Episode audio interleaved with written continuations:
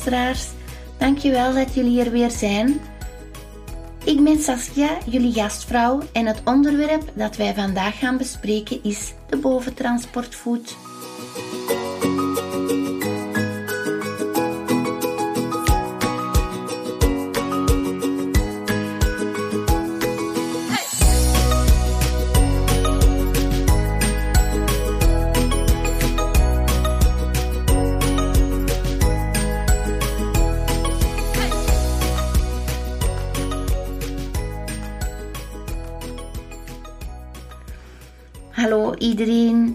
Het thema voor vandaag, de boventransportvoet, is dus zoals bij de vorige afleveringen weer geïnspireerd op mijn eigen avontuur. Ik had dus problemen met mijn naaimachine, met, beter gezegd met mijn boventransportvoet. Ik heb inmiddels ook een nieuwe aangeschaft en ik had graag mijn persoonlijke verhaal weer al met jullie gedeeld.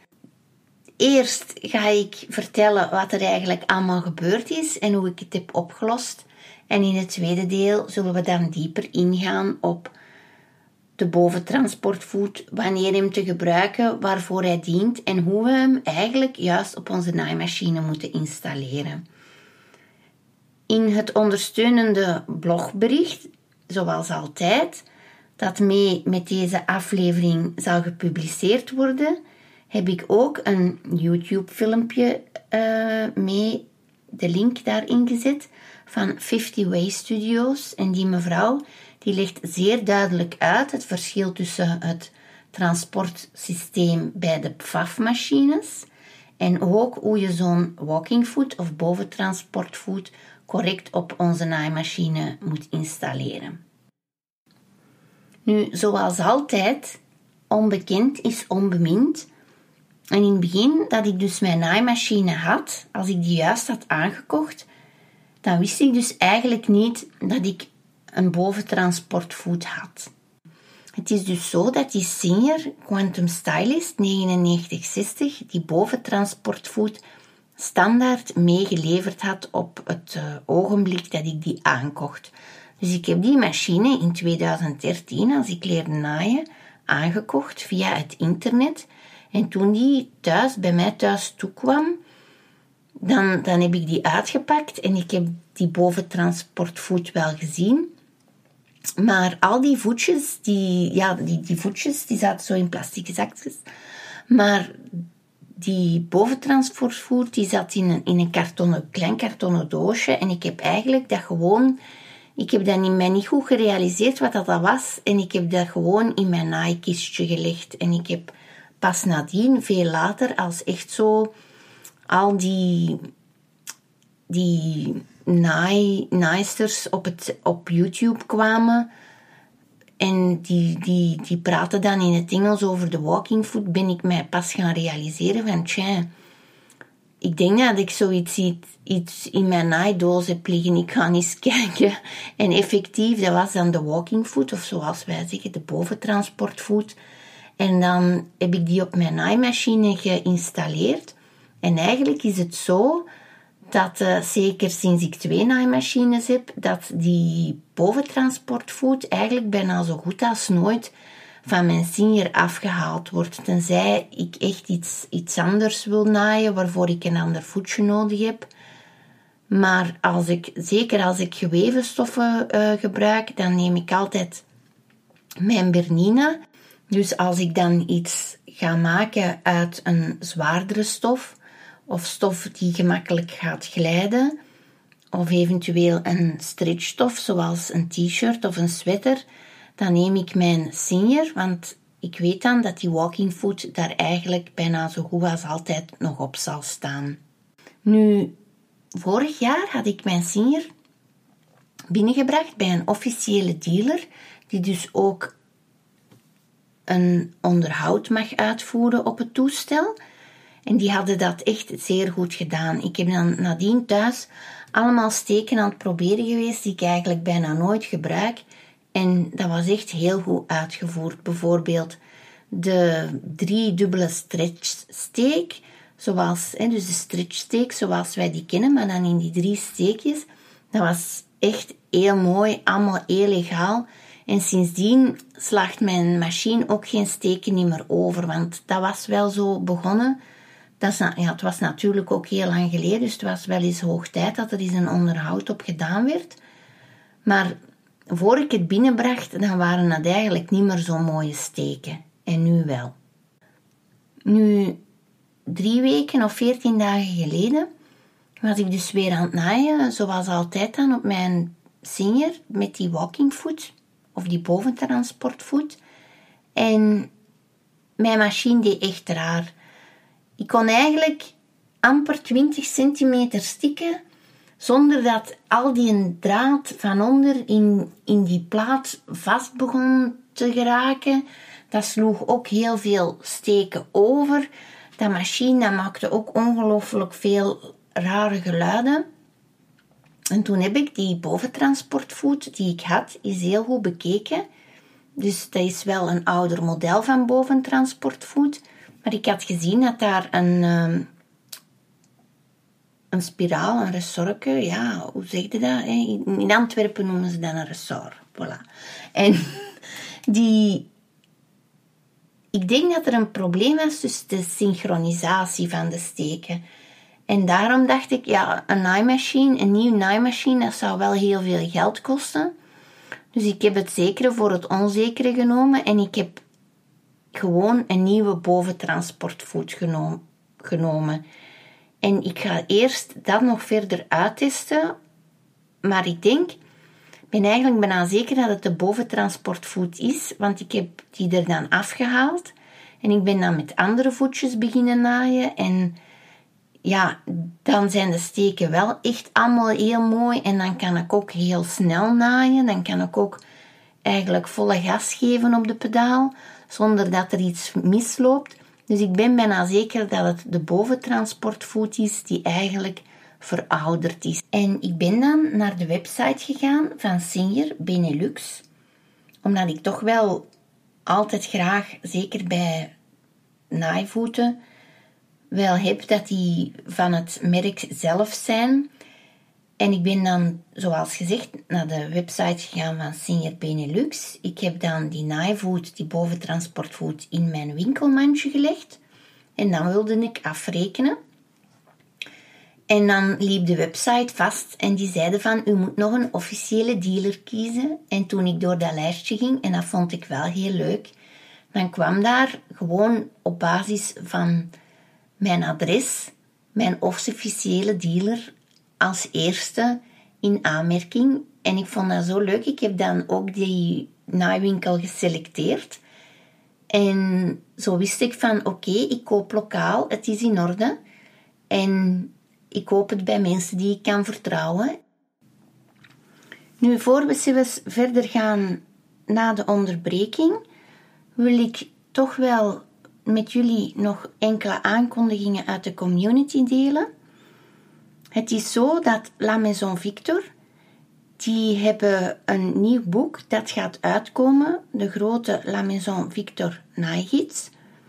En die is bij de verschillende boekenwinkels online al in pre-order te bestellen en zal vanaf oktober 2021 beschikbaar zijn.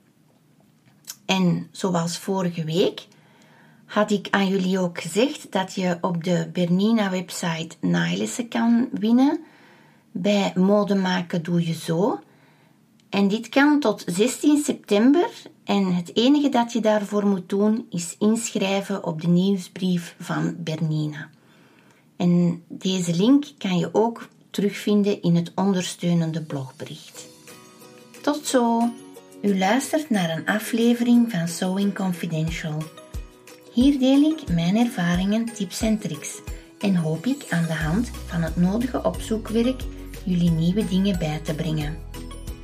Als jullie willen reageren op onderwerpen die in deze podcast worden besproken, zijn jullie altijd welkom op de ondersteunende website.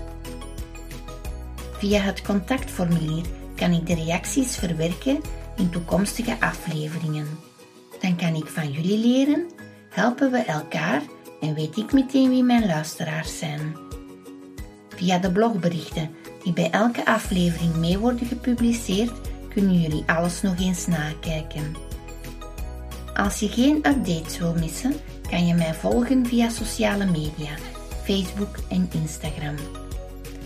De podcast is te beluisteren via jullie favoriete app of rechtstreeks via radio via internet of de website sewingconfidential.com.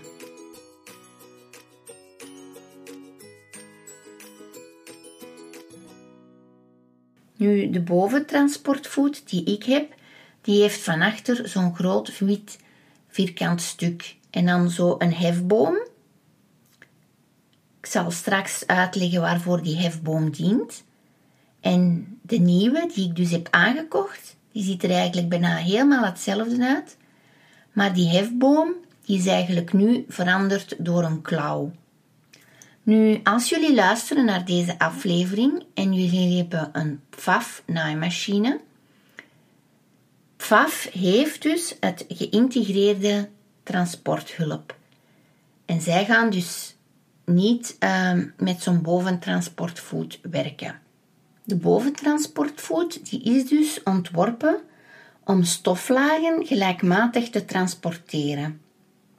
Dus de transporteurs aan de bovenkant en aan de onderkant, die gaan er dus voor zorgen dat die stoflagen dus gelijkmatig worden opgenomen en doorgeschoven, waardoor dat je dus eigenlijk een hele mooie naad gaat krijgen. En deze voet is een zeer handig hulpmiddel voor als we willen kilten of als we met heel veel laagjes stof willen werken of als we dus bijvoorbeeld met stretchstoffen gaan werken.